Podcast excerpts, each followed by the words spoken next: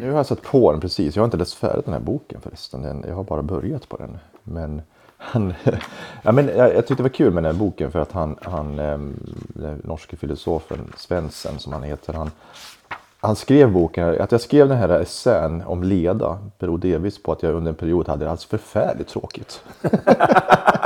det tycker jag liksom är en ganska härlig inledning där, där man känner att ja, men jag har så tråkigt så jag måste skriva om den här tråkigheten. Och det är Ja. Jag tänker det är lite grann det vi gör när, vi, när du och jag pratar om, om löpning också. Ja. Att vi vill liksom prata om det som upptar vår, vår Ja, värld ja. just nu. Ja. Och just nu så är det ju dels är det höst, det är regn, det är oktober, det är mörkt. Vi har lite orsaker. Du springer inte riktigt lika mycket som förut och jag har lite skada så jag springer inte riktigt lika mycket. Så vi har ganska mycket både tid och leda ibland tänker jag. Ja, visst. Ja. Jag, jag, eh, jag tog en runda faktiskt för- förbi vägen nedanför dig sprang jag Okej. igår kväll. Alltså det är mörkt vid sex. Det, är, Ja, det det regnade. fem. Man har liksom pannlampan och man ser regnet komma. Du vet pannlampans sken så kommer ju regnet mot den också. Ja, ja, ja. Och så plus då en kropp som inte svarar och kände att alltså, tänker jag men det här är ju. Just då var det tråkigt tyckte jag. Bara, Ja, bara ja. tråkigt men man eh, gör det ändå. Det där är jätteintressant. Vi ska gå in på det mera.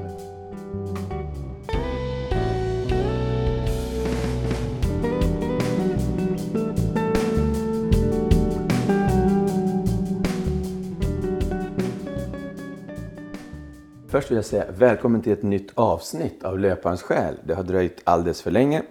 Vi har varit upptagna med annat. Eh, nu är det höst. Ja, upptagen med annat. Vi har väl haft det. Alltså vi träffades ju för en vecka sedan. eh, Och skulle spela in ett avsnitt. Det slutade snarare med att vi bara satt och pratade. Vi kände att nej, vi kan inte spela in någonting idag. Nej, nej. Det, det var viktigare att ha samtalet och, Ja. och fundera på var vi står någonstans i livet. Ja, det så är det. Det blir nya positioner både i livet och, och överlag som man måste omorientera sig ibland. Så är det. Och där står vi båda två lite grann. Och som livet ska vara kanske också. Vi, vi hade ju ambitionen när vi började med podden för två år sedan. Det var faktiskt efter Backyard-VM för två år sedan, 2020, som jag kände att ja, men det, det finns en del att prata om. Och då så startade vi den här podden. Eh, och nu har det gått två år och ytterligare ett Backyard-VM dessutom som jag har deltagit i. Åtminstone som observatör eller lagledare. Men, men eh, när vi startade minns jag också, vi hade krav på oss att det här skulle ske ett nytt avsnitt varannan vecka. Eh, där är vi inte nu längre. Nej. Och någonstans tycker jag det är ganska skönt. Ja. Den här prestationen man lägger även där. eh, Att, jag menar, vi ska, måste vara varann, varje, varannan torsdag var tanken. Klockan sju på morgonen skulle vi ut. Så hade jag tänkt det Just det. hela. Just det. Eh, Och så gjorde vi från början. Nu eh, drivs vi mer av kanske både glädje och lust snarare och intresse snarare än av Krav. kraven. Och det är väl ungefär så som det ska vara även med löpning tänker jag. Ehm, Det är så skönt med ultralöpning just för att den kan vara kravlös. Eller ja, jag träffade en löpare igår som jag inte känner, en bibliotekarie som jag av någon anledning bara kommer att språka med. Och hon känner till vår podd. Hon sa just att, för jag sa till henne att ja, men det vore ju kul om vi ses någon gång i löparspåret, sa jag. Och då sa hon, ja, eh, kanske inte där för, för att jag springer inte så långt. Och då kände jag direkt precis vad du säger. Då kände hon liksom ett krav på att hon, och då förklarade, sa jag till henne att det handlar inte om, om längden, det handlar om mötena, sa jag. Det är där vi möts, det är i samtalet och inte i längden. Men Ja. då märkte jag att det, där fanns det en förväntan eller ett krav från hennes sida. Ja. Men så är det ju ofta när, vi, när, vi, när jag pratar med folk också att alla säger ursäkta sig för att ja men jag tränade igår fast inte på din nivå säger man. Och sådär. Ja, så att det där är, det är ett fenomen och det är ett tråkigt fenomen. Det behöver inte vara så. Ja, det är mycket som är tråkigt. Hör du. ja, mycket som är tråkigt. Och det är det vi ska prata om, leda. Jag tycker för det första att jag saknar ett bra svenskt ord. Leda eh, är ju ett gammalt svenskt ord, men det känns gammaldags och högtidligt. Och, eh, du, man kan inte säga leda, har du tråkigt? Då, då, det, det är också ett sånt ord som jag tycker inte riktigt stämmer. Jag tycker engelskans ordbord är mycket lättare och mer adekvat och beskrivande. Och det som inte finns något bra ord för har vi heller inte någon bra förståelse för. Eh, Jag tycker att ordet tråkig mer associeras till, om man säger åh det var tråkigt, då är det mer något sorgligt. Ehm, Så jag saknar ett bra svenskt ord för det. Och, Mm. och då eh, tänker jag på det att det finns knappt som fenomen. Och i dagens samhälle så eh, är det väldigt ont om långtråkiga inslag i, i människors liv. Vi, är så, vi pratade nyss om att vi är så påpassade av alla som vill ha vår uppmärksamhet. Vi är så överösta med stimulans så att vi är nästan för det mesta överstimulerade. Eh, Och långtråkighet är väl att när man är understimulerad. Ja, för samtidigt kanske, och jag, det var någonstans jag läste just att men det, det, idag är vi så privilegierade och just därför kan vi vara, ha långtråkigt. Vill säga att vi har liksom tid över, vi får ändå vår lön eller vi klarar oss ändå. Ehm, Men, du men menar- ser, du, ser du folk som har långtråkigt? Ja, men alltså det är klart. vardags? Jag tror nog att sitter man framför Netflix halva dagarna och tittar på serier så det, det är inte så att man tycker det är roligt utan man gör det bara för att fylla ut tid. Det, det tror jag. Okej. Jag tror inte att det är egentligen serien ger så jättemycket stimuli alla gånger utan det är ett sätt att fördriva tiden. Okej. Ja, Ehm, okej. Jag tycker, men orden är ju svåra som sagt. Eh, Andra ordet är ju leda som jag Ja. tycker är nästan bättre ord än Men hur tråkigt. använder man det ordet? Sitter du här och har leda? Nej, men alltså att man... Eh, det, det är ju, måste ju komma utifrån ordet lida egentligen. Ja. Eh, och just att leda är att man har liksom, det är tråkigt och man har ingenting att göra helt Nej. enkelt.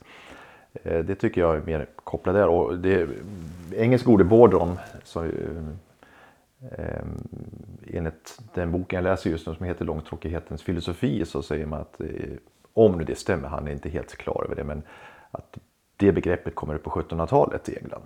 Innan dess så ser man inte att det har funnits och det är tecken på förändrade livsvillkor som gör att vi kan uppleva Okej. eh, leda. Helt enkelt. Att vi skulle ha mera tid idag över så att vi kan hinna ha långtråkigt, eh, ha leda. Ja, eh, vi har svårare att fylla vår dag kanske. Oj, det var en subversiv tanke. För att jag tycker att folk hela tiden snarare handlar om att de inte har tid. Än att de har för mycket tid. Ja, det, det tror jag är en sanning med modifikation. Ja, vi, eh, vi prioriterar vi kanske dåligt och då kan det vara till det kan också vara en ursäkt att det tar tid. Men det kan också vara det att man, man väljer att sätta sig själv och... Alltså vi, vi är ju mer individualiserat samhälle också. Men vi, vi söker inte de sociala sammanhangen i samma hög grad. Även fast vi skulle behöva göra det. Och då väljer vi hellre kanske sitta hemma och titta på en serie liknande. Alltså om man tänker på hur mycket serier som plöjs igenom med svenska folket idag så Ja. det, det är inte klokt hur Nej. mycket vi lägger tid. Eller på telefonen Ja. för den delen. Ja. Jag brukar fråga eleverna hur många timmar lägger ni på telefon och dator per dag? De är uppe i 7-8 timmar. ja. Och jag tror inte att de tycker det är väldigt kul hela tiden. Utan jag tror snarare det är ett beteende som vi har lagt oss till med. Som, som vi tror att vi fyller vår dag någonting, med någonting. Men det kanske bara vi fyller vår tom, tomhet snarare.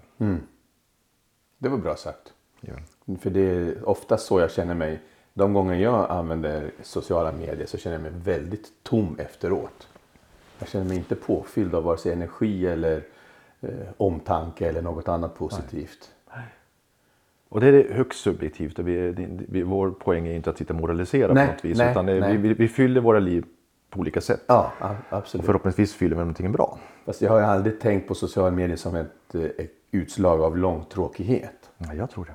Du tror det? Ja, jag tror det. Och långtråkighet uppstår ju i alla dess former. Om vi pratar löpning till exempel. Jag var ju med på VM här nu i, Ja. i Älvdalen.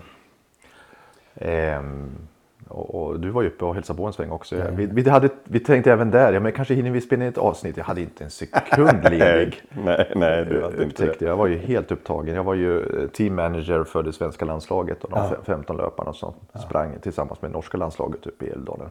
Hur var det då? Det måste, vi måste fråga dig. Ja Hur men det var, det på var ju väldigt satellit? roligt. Eh, det, jag var ju med för två år sedan. Då var jag ju, då var jag ju eh, tävlingsledare. Den här gången var jag lagledare. Så, och lite olika roller. Eh, men jätteroligt. Det var ett team som verkligen var sammansvetsade. De, vi hade, jag hade jobbat en del med att träffats online och vi har liksom haft bra kommunikation innan. Så att de kom in i tävlingen och träffade varandra första gången. Kände, det känns som vi känner varandra.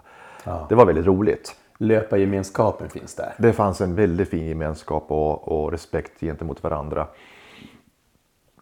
Det var en väldigt fin känsla inför start och allting och vi kom överens om vi bryter inte på varvningen utan vi bryter ute på man går alltid ut och så bryter man, man satt igång istället för att faktiskt känna på kroppen om man kan ta ett varv till i det här backyard-konceptet. då. Så En, en, en liten utvikning här. Det vi nästan varit inne på förut, men vad tror du att den här löpargemenskapen kommer sig av? Varför finns den i ultralöpning? Och kanske inte överallt annars? Ja, eh, bra fråga. Jag, jag tror att i viss mån handlar det om att vi, vi har delat, eller vi, vi har alla förståelse för, för både smärta och, och, och att stå ut. Ehm, och det tror jag alla som har sprungit långa sträckor, oavsett om det är ultra eller inte, men att när man inser att det här är tufft, men jag tar mig ändå igenom det. Det är någon sorts gemensam grund jag tror vi först och främst står på. Eh, vi, vi förstår varandras vi har en förkunskap eh, på ett annat sätt än att kanske bara...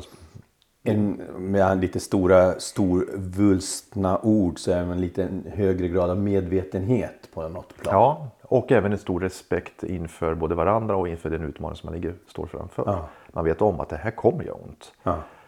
Det är en annan sak om man springer en kortare sträcka som givetvis kan göra ont också om man springer snabbt på en kortare sträcka. Men jag tror att det handlar om att här vet vi om, vi kommer alla få det tufft. Ja.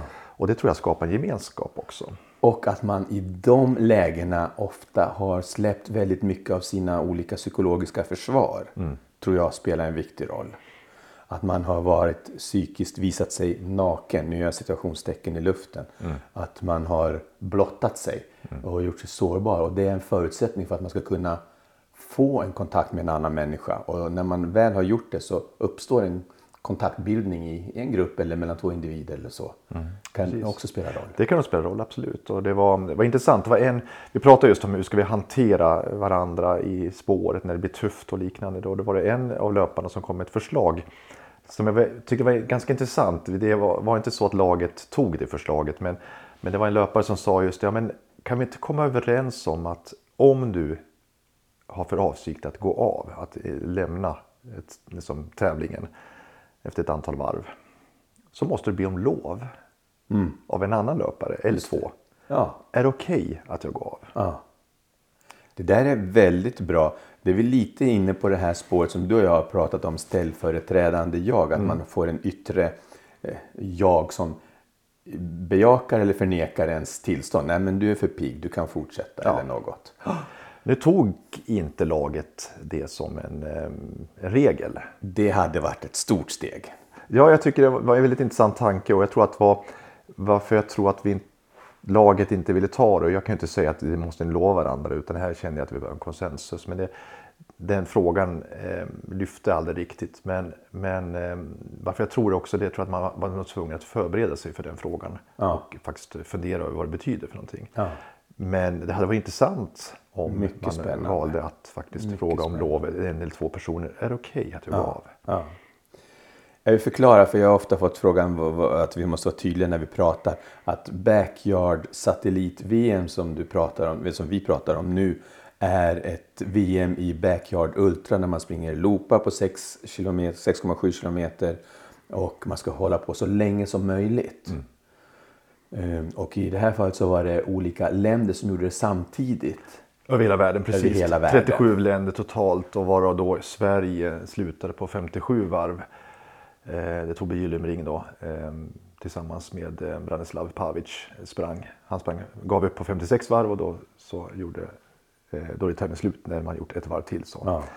så vann då, lokalt kan man säga i Sverige så vann då eh, Tobbe Gyllenring. Men medan det fortsatte då ner i Belgien fram till 101 varv. Och det är helt fantastiskt. Det är nytt världsrekord.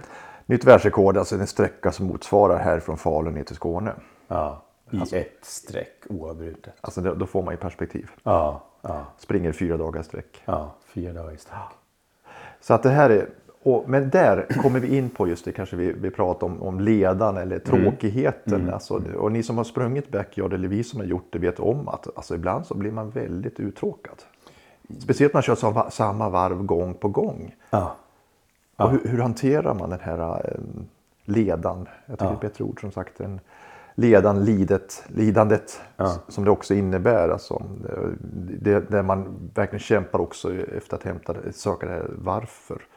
Som vi också, ett, ett varför kan man väldigt lätt tappa under en backyard. Om. Det är väl det som är konsten att inte tappa det. Att jag, varför ska jag ut på ett varv till? Eller varför ska jag springa en kilometer till? Det, det är svåraste frågan. Ja. Ja. Och spe- speciellt den formen just att det innebär ju att kommer man in på 50 minuter på ett varv på 6,7 kilometer så har man 10 minuters vila och då hinner man tycka det är ganska skönt att sitta inne. Speciellt nu satt vi på ett hotell dessutom. Vi kom in i värme och vi satt liksom, det, fanns, det var en bra miljö. Och så ska man ut i regnet igen. Alltså då är det svårt att hitta sitt varför alltså. Och, och de här eh, löparna jag hade då i mitt, mitt stall, låter som att jag hade mitt team här. Eh, ja men det var roligt. Eh, de sökte verkligen sitt varför på olika sätt. Ja. Eh, kämpade med andra eh, problem också med kroppar som krånglade med eh, yrsel och, och, och det där är ju väldigt tufft i sig. Men, men det var en löpare som sa efter, han sprang väl efter 27-28 varv, så, och det var ju så mycket, alltså mer än hälften av, av dygnet så är det mörkt dessutom. Så att det, är- det är tungt att springa med pannlampa eh, i regnet och, och i mörkret. Det är mycket skog, det är inte så mycket Det upplyst blir ännu mer tråkigt. det blir tråkigt. Man har liksom bara ett begränsat fokus där ljuset skiner upp och, och, det är skuggor och sånt som gör att det... Eh, och där var det en, en av löparna som han... Jag pratade med honom in, inför att han skulle ut på nästa varv men han sa att jag, jag, jag, jag fixar inte det längre. Jag har som kroppen är okej, det, det är inte det kroppen det handlar om. Men jag har tusen tankar i mitt huvud och jag blir inte av med tankarna. Utan det är bara, det är bara vart jobbar jag jobbar. Alltså hur tolkar du det? Att man får tusen tankar? Alltså, jag, jag tolkar det som att han menar tusen tankar som säger åt honom att inte springa. Tusen skäl, man försöker hitta skäl att avbryta. Jag har nog ont eller varför gör jag det här? Eller jag kan vara hemma i värmen eller jag kan vila. Alltså man hittar ju, försöker ju skaffa sig ursäkter för att avbryta. Ehm, För att det är väldigt sällan kroppen, det är klart att det kan vara kroppen också som säger ifrån. Men väldigt ofta så är det ursäkter vi hittar för att avbryta ett lopp. Ehm, och det finns ju de som har sådana här olika regler att jag får inte bryta på, på grund av mitt psyke. Försöker hålla sig till olika mentala regler för att inte låta huvudet, de här tusen tankarna lura en. Utan Jag får inte avbryta förrän någon annan säger det, precis som i, teamet där. Det, det är ju en jättebra tanke.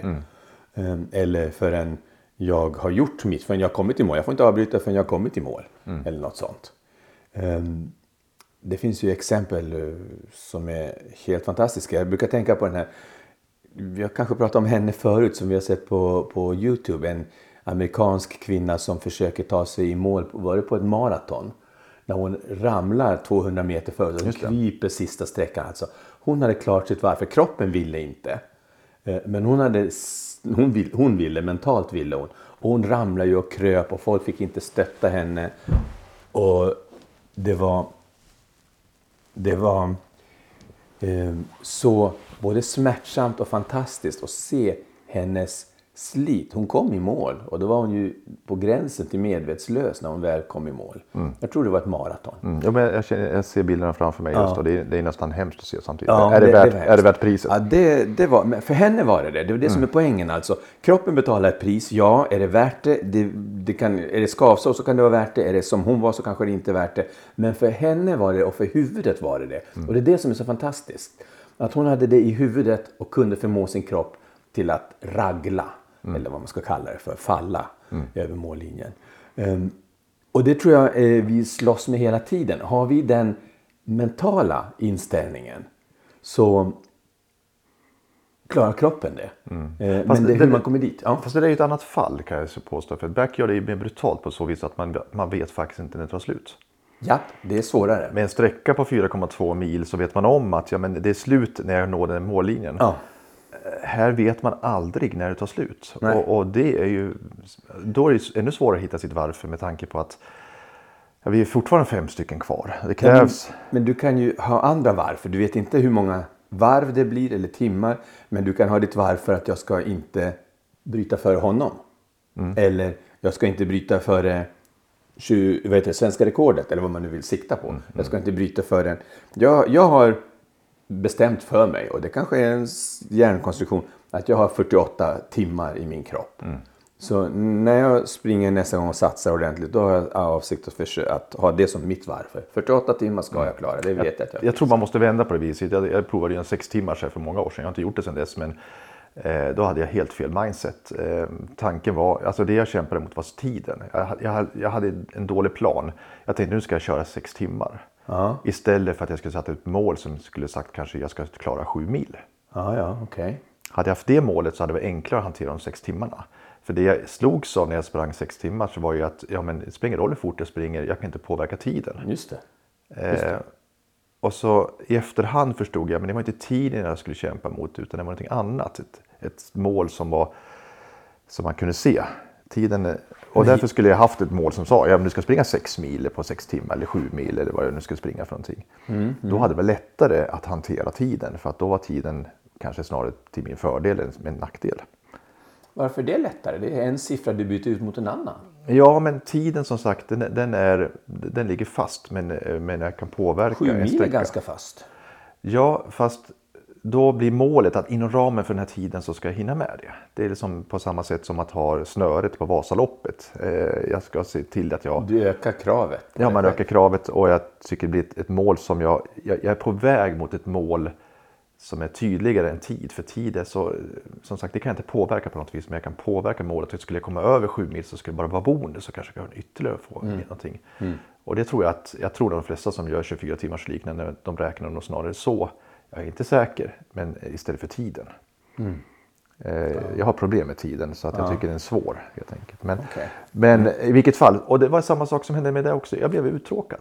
Jag gick av efter en, eh, en, en mara istället. Då hade jag sprungit lite drygt tre timmar istället. Ja, ja. Eh, För att jag kände är en mara. Det får räcka. För att jag, jag kämpade så med tråkigheten helt enkelt. Jag förstår det. Det var flera kommentarer som kommenterade satellit-VM här och att eh, slow TV. Det är som att titta på när älgarna simmar över Ångermanälven.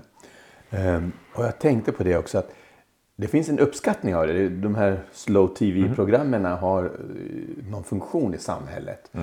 Och det kändes väldigt skönt att ha den där slow tvn och slå på dig ibland och se när du kommenterar och löparna som springer och så. Eh, Och man vet att ni finns där och jag kan gå och ordna med någonting under tiden och så kommer jag tillbaks och så ser jag liksom att det rullar på. Ehm, Det var något väldigt... Ja, En del skulle tycka det var tråkigt, apropå tråkighet, långleda. Ehm, Men det fanns något väldigt ehm, för- tröstande i det också, sällskapligt. Jag tror att eh, det, det finns en poäng med att de här snabba klippen och allting vi ser i andra filmer och sånt. Det, det, det tar, tar mer energi kanske, ger energi. Eh, religionspsykologen Ove Wikström har ju skrivit en bok som heter Långsamhetens lov. eh, där han just lyfter fram de här bitarna. Att det, det är viktigt att ta det lugnt och liksom låta saker få ta, ta tid och långsamt. Och, och det kanske är så man ska tänka kring löpning också när man börjar känna att det leda och istället för vända, vända det till att ja, men det, det får ta tid det här. Det får vara lite långsamt helt enkelt. Men vi, vi tar det långsamt framåt och så Har du några bra knep för att slåss mot, mot ledan när du är ute och springer? Nej men faktum är, och det tror jag vi alla upplevt, att har man en partner med sig eh, i spåret så, så går ju både kilometrarna och tiden fortare. Det, det, Ja. Jag minns när jag sprang eh, Järvestig på Idre fjällmaraton så sprang jag ju tillsammans med ja, Kenneth som jag intervjuat bland annat. Och, eh, alltså vi hade ju hur kul som helst och kilometrarna bara försvann. Och i och för sig han pratade ju hela tiden så att det var ju inte, dö, inte ett dött tillfälle någon gång. Men, men, och samtidigt så får man energi och kraft av varandra. Så jag, tror, jag tror att det är lättare. Samtidigt är det väldigt härligt ibland att få just vara själv. Och jag tror att det är viktigt att få kämpa med sina eh, egna tankar också. Eh, jag, jag tänker ofta, jag har ofta med mig när jag springer, ska springa långt så har jag med mig lurar. Tänkte jag, men när jag tröttnar tar jag på mig och lyssnar på musik eller en podd eller liknande. Men jag hamnar sällan där. Utan jag inser att jag, där var, det är någon, bara någon sorts eh, någon tröst jag har i fickan som får vara kvar där. För att jag upptäcker att jag, jag mår nog bättre av att inte göra det faktiskt. Utan fortsätta jobba med mina tankar. Ja. Jag har försökt med olika knep men inte hittat någon som fungerar. Jag har försökt att man ska räkna stegen, att man ska börja sjunga låtar i huvudet eller att man ska markera vart femte steg eller liksom bryta av eller hitta på variationer. Jag tycker inte de håller något särskilt länge för det är liksom bara distraktioner. Det blir inte, det blir inte mindre tråkigt för det på något vis. Nej. Känns det som. Nej, och det har vi ju pratat om. Jag har ju sagt det förut också att jag brukar försöka ta med mig något dilemma eller ett problem med mig på resan. Ja. Eh, För att hantera det eller diskutera det med mig själv. Men det har du löst efter två timmars löpning? Jo, man har ju löst det. Man har ju tröttnat på frågan efter ett tag också. Ja. Vi som har gjort det. Och då kommer just ja, men vad, är, vad, vad är nytt? Och det, då är ju risken när man faller i fällan att ja, men nu börjar jag lyssna på min kropp istället och, och smärtor och allting Ja, och börja det. söka sitt varför. Det är en fälla. Det är en fälla. Att man börjar lyssna inåt för mycket, alltså Ja. på kroppen. Ja, precis. Det har jag också råkat ut för. Ja, men eh, att, eh, lyssna inåt som sagt. Eh, vad, vad, vad ska, vart ska vi lyssna då? Men för, alltså, en intressant tanke som jag tänker. Vad gör eh, ledan med oss? Alltså, vad, var, varför tycker vi att den är så, så tråkig? Varför eh, försöker vi undvika den så mycket? Det, det här tror jag är högst subjektivt. Alltså för min del så betyder ju um, åtminstone leda i det vardagliga livet när vi inte pratar löpning så Mm. tycker jag att jag känner mig onyttig. Eh, och onyttig ska man inte vara Nej. utan man ska vara nyttig och man ska göra någonting.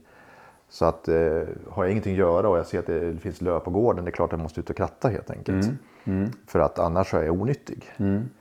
Eh, det, det är liksom, men, men- ser vi ledan till löpningen eh, så är det ju en annan sak. Då är man under aktivt tillstånd. Då kan man inte göra någonting annat än att springa. Eh, och då tror jag ledan handlar om någonting annat. Det kan handla om att jag, låt oss säga att jag springer på, jag ser inte slutet på min löpning. Nej. Då, är det, då kan det bli tröstlöst. Vet jag om däremot att jag, men, Du tappar hoppet. har man tappat hoppet. Och därför måste man kanske bygga med delmål om man ska springa riktigt långt. Då måste man ha ett delmål istället. Att jag, jag, när jag sprang Ultravasan några gånger så har jag ju faktiskt där aldrig tänkt mig slut. Jag har aldrig sett målet. Jag har ju alltid sett nästa station. Mm, mm, mm, Och den, den är så praktisk på så vis, Ultravasan. För jag tycker att det är så, det är så ganska lagom avstånd mellan stationerna också. Så att man, man, man längtar till nästa station och sen så, ja men dit tog jag mig. Då är det lätt att ta sig till nästa. Eh, Jag vet inte hur du har gjort men jag ser sällan målet där. Det är inte förrän efter sista stationen som man känner att nu är jag på väg mot mål. Ja. Jag har en bild i huvudet som jag inte riktigt lyckats eh, tillämpa. Det är att man ska springa mot oändligheten, man ska inte ha mål. Det är nästan tvärtom mot dig, eller du har delmål. Jag försöker tänka att det finns inget slut om jag ska springa riktigt länge. Jag ska hålla på forever, för alltid. Och att man inte har delmål. Men då, då, jag har inte riktigt lyckats tillämpa det och jag vet inte om det botar ledan och den delen heller. Kanske bara gör det ännu värre. Och därför tror jag att leda kopplat till lida. Ja, det är en stark korrelation där. Det, det finns en koppling. Alltså att det, eh, när man börjar lida eh, och så, så kommer också ledan så att säga. Ja. Eh, tråkigheten, man tycker det är tråkigt. Eh, det, även fast det är ont. De här, smärtan kan ju vara spännande i sig men mest är den oroande. Man kanske kan se det som att lida är kroppens smärta medan leda är själens eh, varningssignal. Ja, det är ett intressant perspektiv. Så. Eller slitagesignal Ja, eller vad jag ska kalla det precis. för. Ja. Är det nya former vi håller på med, alltså LL-modellen? nej, men, nej, men det här är ju någonting som, som har satt krokben för mig och för många andra och för dina eh, lagmedlemmar där uppe som hoppade av för att de har tusen tankar. Alltså att ledan är ju en viktig komponent som förhindrar att vi fortsätter med löpningen. Ehm, och det kan förhindra att får, jag blir till exempel, jag har krattat löv apropå din lövkrattning här och jag kan bli så less på det också. Så, så, och vad är det som gör att, men där finns det, det är annat på, på något sätt. Där ser man resultat på ett sätt eh, konkret som gör att jag kan fortsätta. Jag ska göra klart. Ja, men det är intressant. Där blir det också delmål. Jag ska göra klart den här gräsmattan, sen tar jag den där gräsmattan, sen fortsätter jag där borta. Det är också delmål, det har du rätt i. Alltså. Så, så tänker man nog när det, när det blir långtråkigt någonstans. Hur många gräsmattor har du? Nej, men jag har olika delar. Jag har olika träd som jag har som är fulla. liksom. jag vet det. Jag, bara såg framför mig liksom här godset, herrgården med massor med gräsmattor överallt. Nej, men jag, jag, har, jag har flera stora, riktigt lövfulla träd som gör att jag knappt klarar av att kratta ett träd åt gången. Nej, nej, jag känner till. Jag har en ek här på gården också som jag borde ta itu med. Ja. Nej, men, men eh, ja, det här är rätt så intressant. Jag hade ingen aning att vårt samtal skulle hamna i det här. då, Nej. Just med leda och lida. Men eh, Det är väldigt centralt. att själens eh, lidande är ledan snarare. eh, tråkigheten, håller det egentligen med tanke på, eller kan själen också lida? Vi kan ju, vi kan, själen kan lida och jag brukar kalla det för ångest. När själen rid, lider på riktigt, för det finns ju sånt. Men okej, ångest i löpning, alltså om man springer riktigt långt, skulle du påstå att ångesten finns där? Kan den finnas där? Förstår jag tänker? Jag förstår, men jag vill säga att den är relativt frånvarande. Ja. Ja. Det var min instinktiva Ja. tanke också, att i löpningen så finns det inte utrymme för ångest. Nej, nej. Och jag tror att det li- ligger lite i samma som smärtlindring för kroppen. Att eh, den här monotona rörelsen, återkommande rörelsen, den har någon form av ångestlindring i sig. Och jag har haft många patienter som har försökt lindra sin övriga ångest med hjälp av löpning till exempel. Så att jag tror att den har en inbyggd anxiolytisk, ångestlösande effekt också. Precis som den har en inbyggd smärtlösande effekt, löpningen. Så att eh, jag tror att den är ganska frånvarande på löpning. De gånger jag har känt riktig ångest, det är när jag har sprungit sån här sky running. Och när det är brant och man är rädd för att man ska göra illa sig på olika sätt. Då kan jag känna att ångesten spelar in. Just det, men det är en annan sak. Det är en annan sak. Det, det, då, är det, då är det ju en fara, en, Ja. en, en, en oro för sin eget Ja. liv och Ja, leverne. ja. Precis. Eh, annars så tycker jag inte att ångesten... Ja, vi har ju pratat om ångest som drivkraft om man har det för Ja, men- ja men Det, är, det är innan. Men det är innan, ja, löpningen precis. som Men sagt. i, i löpningen, svar nej. Nej. Jag tycker inte att det finns eh, särskilt mycket ångest i det. Nej. Tvärtom, tvärtom. Frid är det som jag tänker på. Vi har ju, jag tänker på löpningen som en form av meditation. Vi har pratat om det förut. Och, och att det ger någon form av sinnesro. Eh, så att jag, det är tvärtom. Men Men, men återtar, som sagt, jag, jag tycker det är jättespännande med tanken på de här L, L vi pratar om. Och leda och lida utifrån själen, utifrån kroppen. Och, och lidandet i kroppen, den, den är lätt att förstå. Den, den har vi alla upplevt på ett eller annat sätt. Men, och ledan har vi också upplevt. Men, men kan, kan ledan, kan vi vända det till någonting positivt? Ja, det är frågan. Det är en bra fråga. Har leda en positiv funktion överhuvudtaget? Eh, Du sa förut att ordet var ganska nytt i språket. Ja, tydligen så. Och den dykt upp även i tyskan. I tyskan upptäckte, så dök den upp något tidigare än i, i, i engelska spårdom och i danskan har man också sett att det dök upp ungefär i 1700-talet. Ja.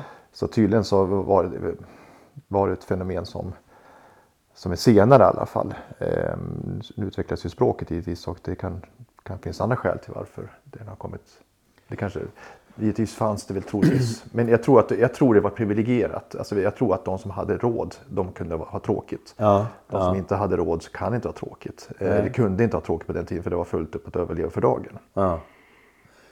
Jag, jag har tänkt tvärtom i det fallet. För jag har tänkt att leda var väldigt, väldigt utbrett i ett vad ska jag säga, agrart samhälle. Eh, fåraherden som går och vallar sina får, han har sin hund som sköter vallningen. Han står där dag ut och dag in i regn och i solsken och bara gör ingenting.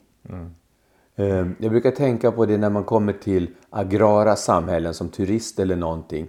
Vad mycket liv det blir av en förändring. Att jag kommer som turist, alla barnen kommer fram och de vill jag har cyklat någon gång i, i, i oländiga terränger. De vill liksom prata och de ta, klappar på mig och på cykeln. Och, alltså det blir en sån stimulans från deras avbrott från deras vardag.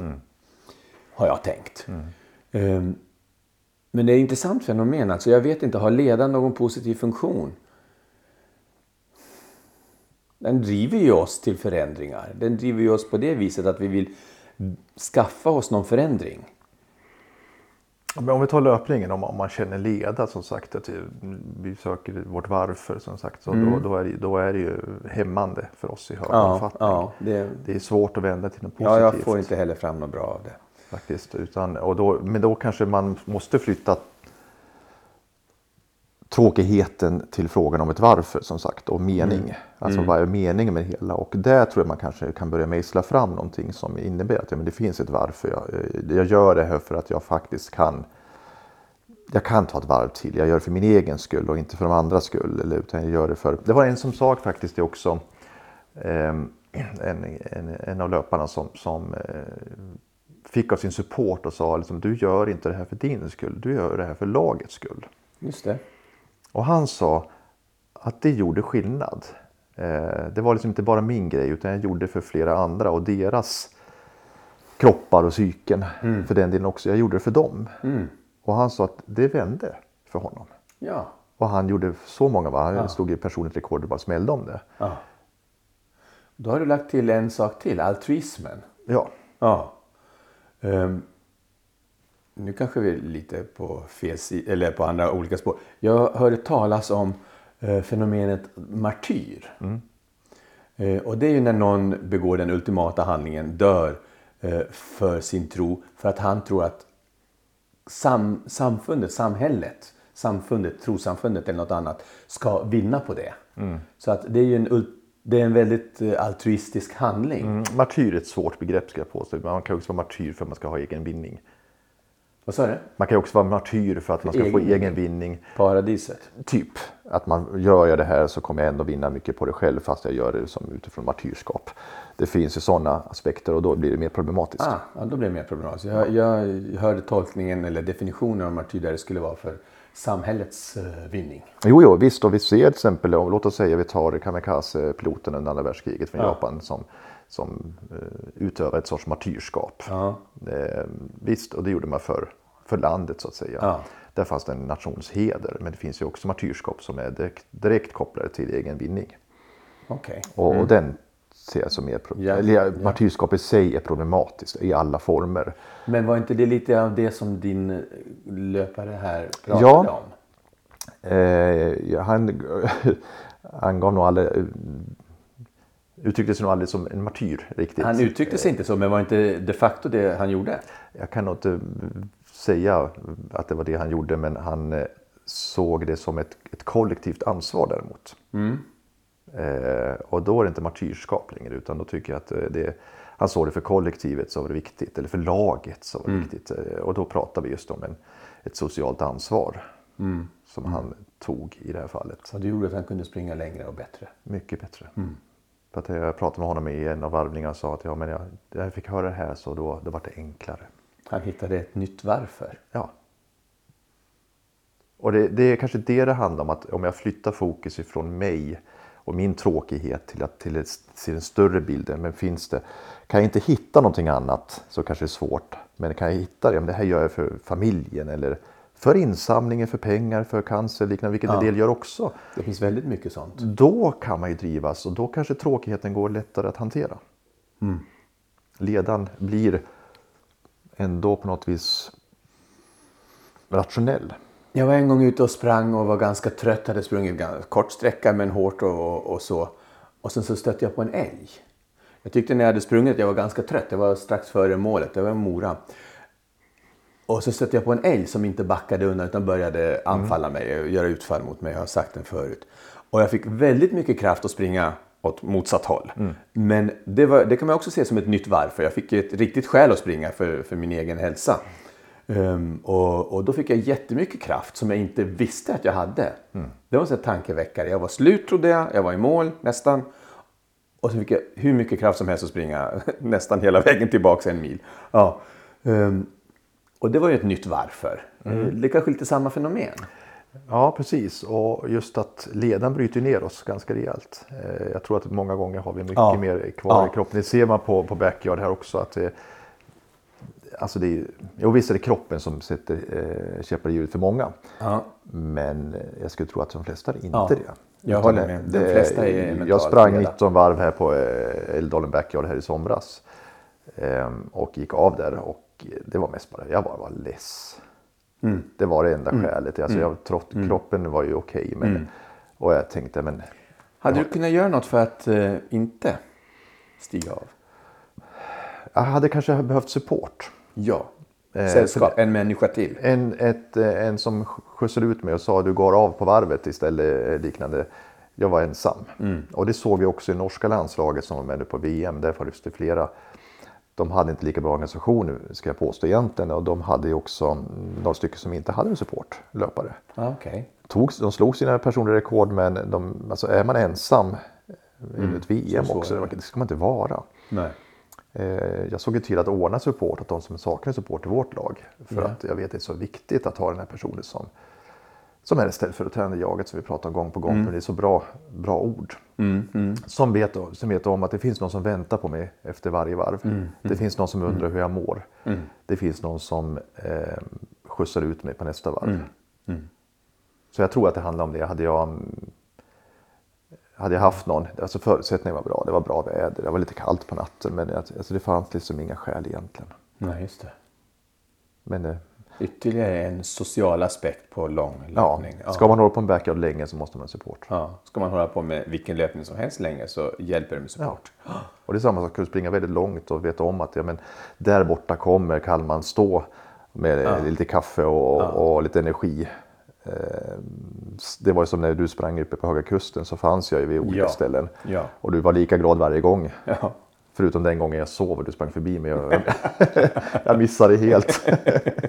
Nej, men det gör jättemycket till.